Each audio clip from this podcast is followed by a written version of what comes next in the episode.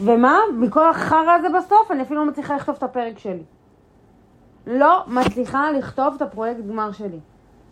ואני יודעת מה אני רוצה להגיד, אני יודעת מה קשה לי, אני יודעת מה יושב עליי, אני יודעת מה המגרעות שלי, אני יודעת שאני יודעת להגיד לא, אני יודעת שאני מקשיבה לרעשי רקע של עצמי, אבל לא.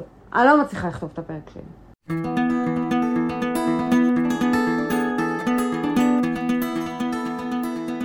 תמיד מישהו רוצה ממני משהו. ובתוך תוכי יש מין חריקה פנימית כזאת, שמה שמבקשים ממני זה הדבר האחרון שבא לי לעשות עכשיו. אבל מה שיוצא לי בסוף מהפה זה... בשמחה, ברור, מה? בטח. ברור, מה יש לך? ברור. אני תמיד הנייס גאי. אני תמיד אבדוק מה מישהו אחר צריך ואני אתן לו את זה. גם אם זה פוגע בי. גם אם זה הדבר האחרון שבא לי לעשות עכשיו.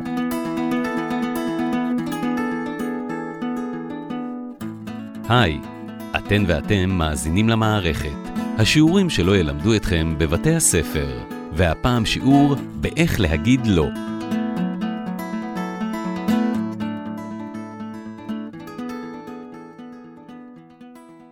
אני בר קסלר, בת 29, לא יודעת להגיד לא. מה ששמעתם. לא יודעת להגיד לא. וגם לא יודעת להשתיק את רעשי הרקע המעצבנים האלה שמגיעים כשאני צריכה לקבל החלטה. ככה זה, מאז שאני זוכרת את עצמי. לא יודעת, זאת אני. כשהחלטתי שאת פרויקט הגמר שלי אני עושה על הדעת להגיד לא, אמרתי לעצמי, אם את נחשפת, אז עד הסוף. אז התחלתי להקליט. להקליט את אלו שהכי קרובים אליי. אלו שמכירים אותי יותר וגם את אלו שמכירים אותי פחות. אלו שעזרו לי להבין איך זה נראה מהצד. בשלוש שנים האחרונות, מאז שהתחלתי את התואר, הפכתי להיות יותר מודעת לזה. יותר על זה. יכול להיות שהסביבה החדשה שעוטפת אותי מאז שהתחלתי את התואר, היא סביבה קצת יותר מודעת. כזאת, כזאת שלא דופקת חשבון. פה אני חושבת שאת uh, קצת מחמירה עם עצמך, כי אני בתור בן אדם שמכיר אותך יודע שאת ממש יודעת להתנסח. זאת שירלי הזן, חברה שלי מהתואר, שמכירה אותי במבט אחד, וגם זאת שמדברת איתי הכי תכלס שבעולם. את פשוט, מכירה את המשפט שלה לבחור את המלחמות? את אף פעם לא בוחרת בהם. עכשיו, זה מצד אחד מה שהופך אותך לבן אדם הכי קסום עלי אדמות ולמה כולם אוהבים אותך ונהנים להיות בחברתך. אם את תהיי בן אדם כזה ששומר בבטן ולא מתקשר ולא מדבר, מישהו ילמד את זה ממך. אני, מישהו אני, ילמד אני את הדפוס למדתי הזה. את זה ממישהו. אוקיי, אבל, אבל נכון שמה שאנחנו אוהבים לעשות זה להסתכל על הטעויות של ההורים שלנו וכזה לתקן ולשנות. יום יבוא, וסורי, אני סתם קופצת רחוק מדי, אבל אולי זה גם מה שייתן לך את הזה. יום יבוא, מי, מישהי תלמד ממך לעשות את הדברים האלה. עכשיו, בר, שוב, זה מה שהופך אותך לבן אדם מדהים, כי את בן אדם שלא מתעמת, ואת מאוד שומרת על הכבוד ומאוד זה, אבל שתיקה זה דבר רועם, כאילו, זה קשה לשתוק. אז זה לא שאני... זה קשה לבן קשה אדם, לי, זה גם מרחיק, לי. שתיקה זה גם דבר מרחיק. את צריכה להתעמת מול היכולת שלך לדבר. המאבק הוא מול עצמך, לא מול אלכס. המאבק הוא מול עצמי. השתיקה שלי היא רועמת. אני מנסה להגיב לביקורת. ביקורת שהיא עליי. אבל אני לא מצליחה. היא צודקת. ואולי, אולי גם מה ששונה זה הזוגיות שלי. זאת שלא הייתה לי עד גיל מאוחר. הבן זוג שלי, אלכס, חווה אותי 24/7. זה מטורף כשחושבים על זה. כל אדם בבסיסו ידע להגיד לא ברגע שהרגע הנכון יגיע, זאת אומרת ברגע שהוא יילחץ ב... במ- במקום הנכון, אולי אפשר uh, להניח שכל בן אדם ידע ככה להציף את זה, אבל בגדול, אני חושב שלא, את לא... יש מקרים שבהם את לא יודעת להגיד לא, ואת יכולה להיפגע מזה בכל מיני רמות. הוא מודע למגרעות, הוא רואה אותך מתנהלת בעבודה, עם חברים, עם המשפחה, ומנסה קצת אה, לעזור, מנסה לתת מילה. את סתם פוגעת בעצמך, אבל את מתעלמת, כי את לא יודעת להגיד לא, כי את לא יודעת להתמודד עם זה, כי קשה לך, כי ככה חונכת, ככה חברים התרגלו, ככה אנשים בעבודה התרגלו, וזה קשה, זה ממש ממש קשה.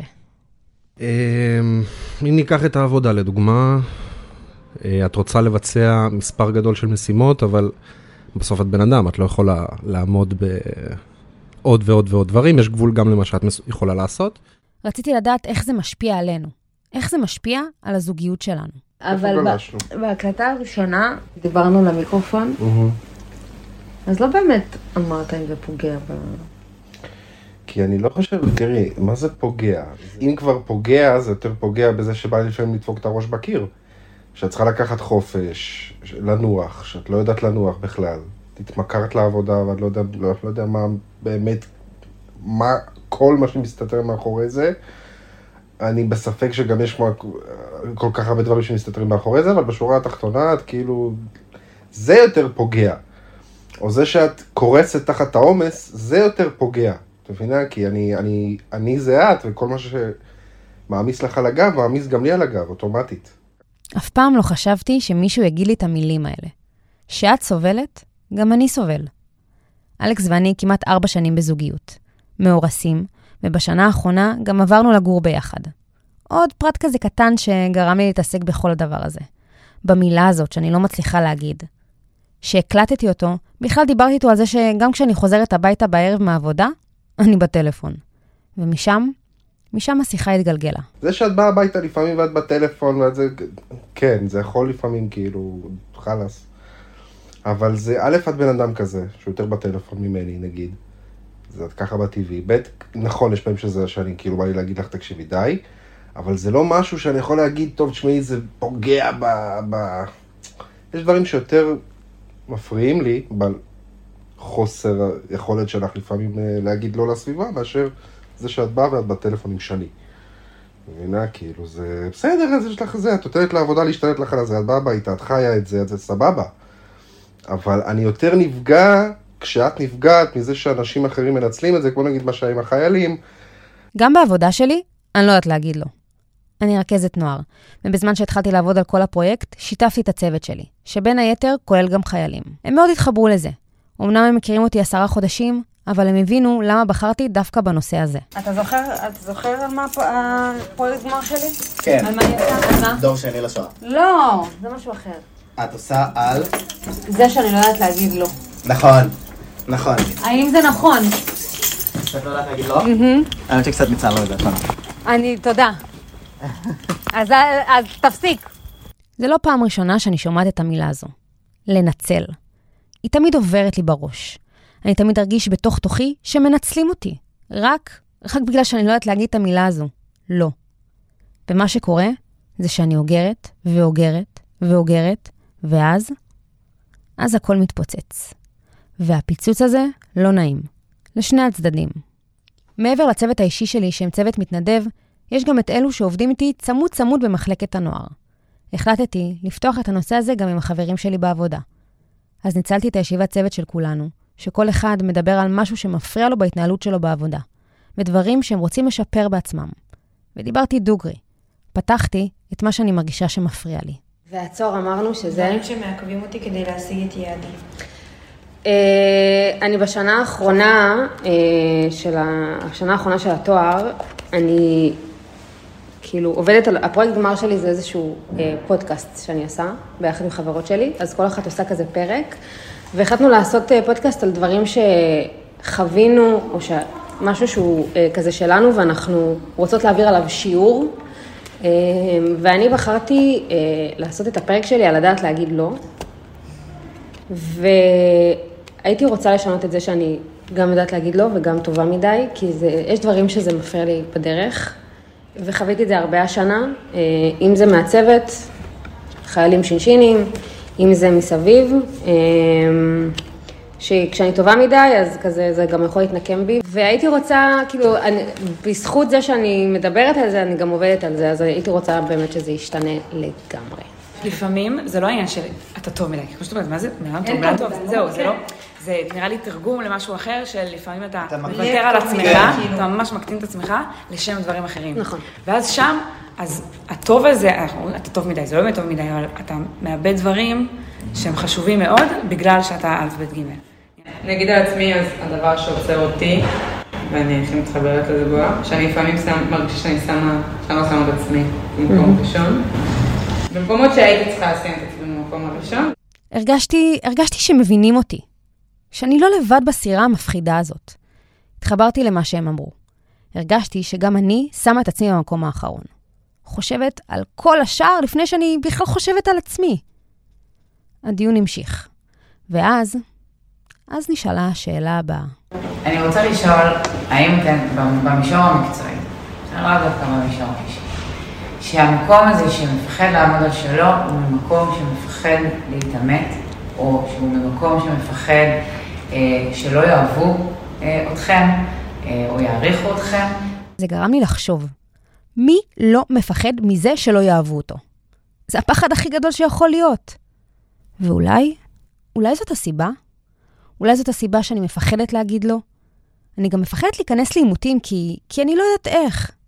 ככה שירלי אמרה. אני פשוט לא יודעת איך. אם יש משהו שאני תמיד אומרת לעצמי, זה שאני לא יודעת לריב. זה נשמע מצחיק קצת, אבל uh, זה נכון.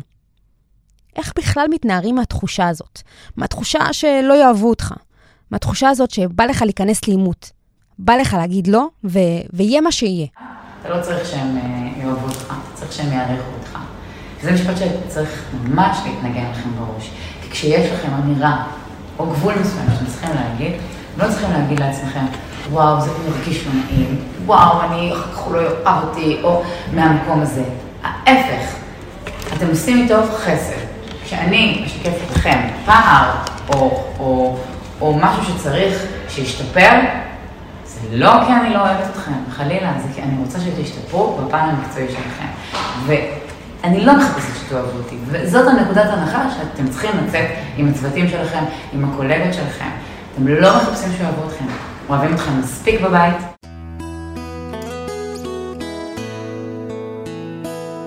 אוהבים אותי מספיק בבית. המשפט הזה, המשפט הזה גרם לי להגיע לגורם מספר אחת של הבעיה. אם אפשר לקרוא לזה בכלל בעיה. ההורים שלי, המשפחה שלי, אלו שלמדתי מהם הכל, שהתחנכתי בצילם, אלו, אלו שגידלו אותי. סליחה על מה? על הפרויקט גמר שלי. אז מה הפרויקט גמר שלך? לא אמרתי יודעת. לך, אני עושה פרק על לדעת להגיד לא. על מה? על אה, לדעת להגיד לא. אנחנו יכולים להגיד לא? נו, בגלל זה אני עושה את הפרו- את הפרק שלי על זה. אז זהו, אז מה את רוצה? אז תגידי, תתני דוגמה, ההורים שלך, מה נעשה? מה נעשה? כמו אימא שלי, זאת גם התשובה שלי. התשובה שלי שאומרים לי שאני טובה מדי, שאני לא נכנסת לעימותים, ושאני לא יודעת להגיד לא. מה נעשה? זאת, זאת אני. ההורים שלי לא עוזרים לי, כי לא יודעים להגיד לא. לא יפה? שאני, בעצם שאני לא יודעת להגיד לא בגללכם. נכון. נכון. זהו, פתרנו את הבעיה. זה בעיה גדולה, אי אפשר, זה לא, לא, לא, לא פותרים אותה ככה. אה, לא? אז איך פותרים אותה? איך פותרים אותה? אה, זה... אי אפשר כבר לפתור את זה. זה האופי של הבן אדם, זה לא יעזור. נכון. לא יעזור. אה? נכון. אז זהו. אז אי אפשר, זה...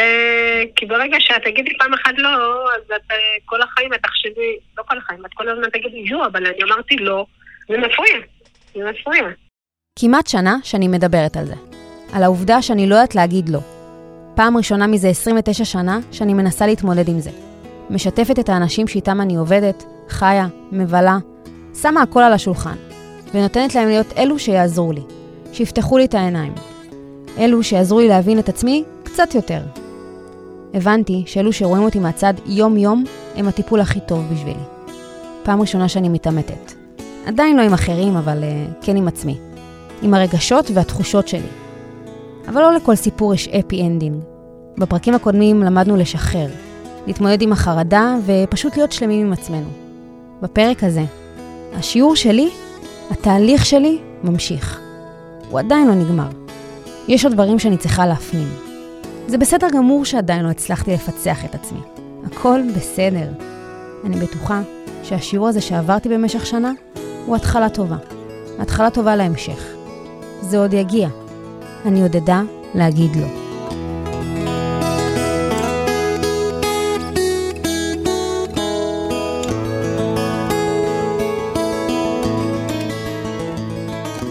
אז מתי תשלחי לי את הקבלות? וואי, אני אשלח לך אותם היום. אה, תשלחי לי, בר. זה כן. כבר עוד מעט נגמר, אני חושבת. אני לא יודעת עד מתי אפשר, אני חושבת שעד אוגוסט אולי אפשר, עד אה, ספטמבר, אני לא יודעת עד עד מתי. ספטמבר, עד סוף שנת הלימודים של הזה. נו, לא, אז אני לא אשלח לך. אז אל תשלחי. לא. הנה, אמרתי לך לא.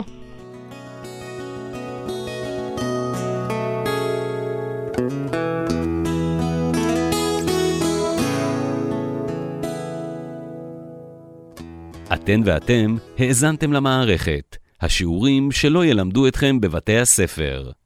השתתפו בפרק שירלי אזן, אלכס מנקו, ליאב אזולאי, שני סמג'ה, דניאל דניאלוב, תהילה הלפר, אתי ואבי קסלר ועידו כהן. ערכו והפיקו את הפרק בר קסלר, סתיו נפתלי, ענבר ניסני ותהילה אלקבץ.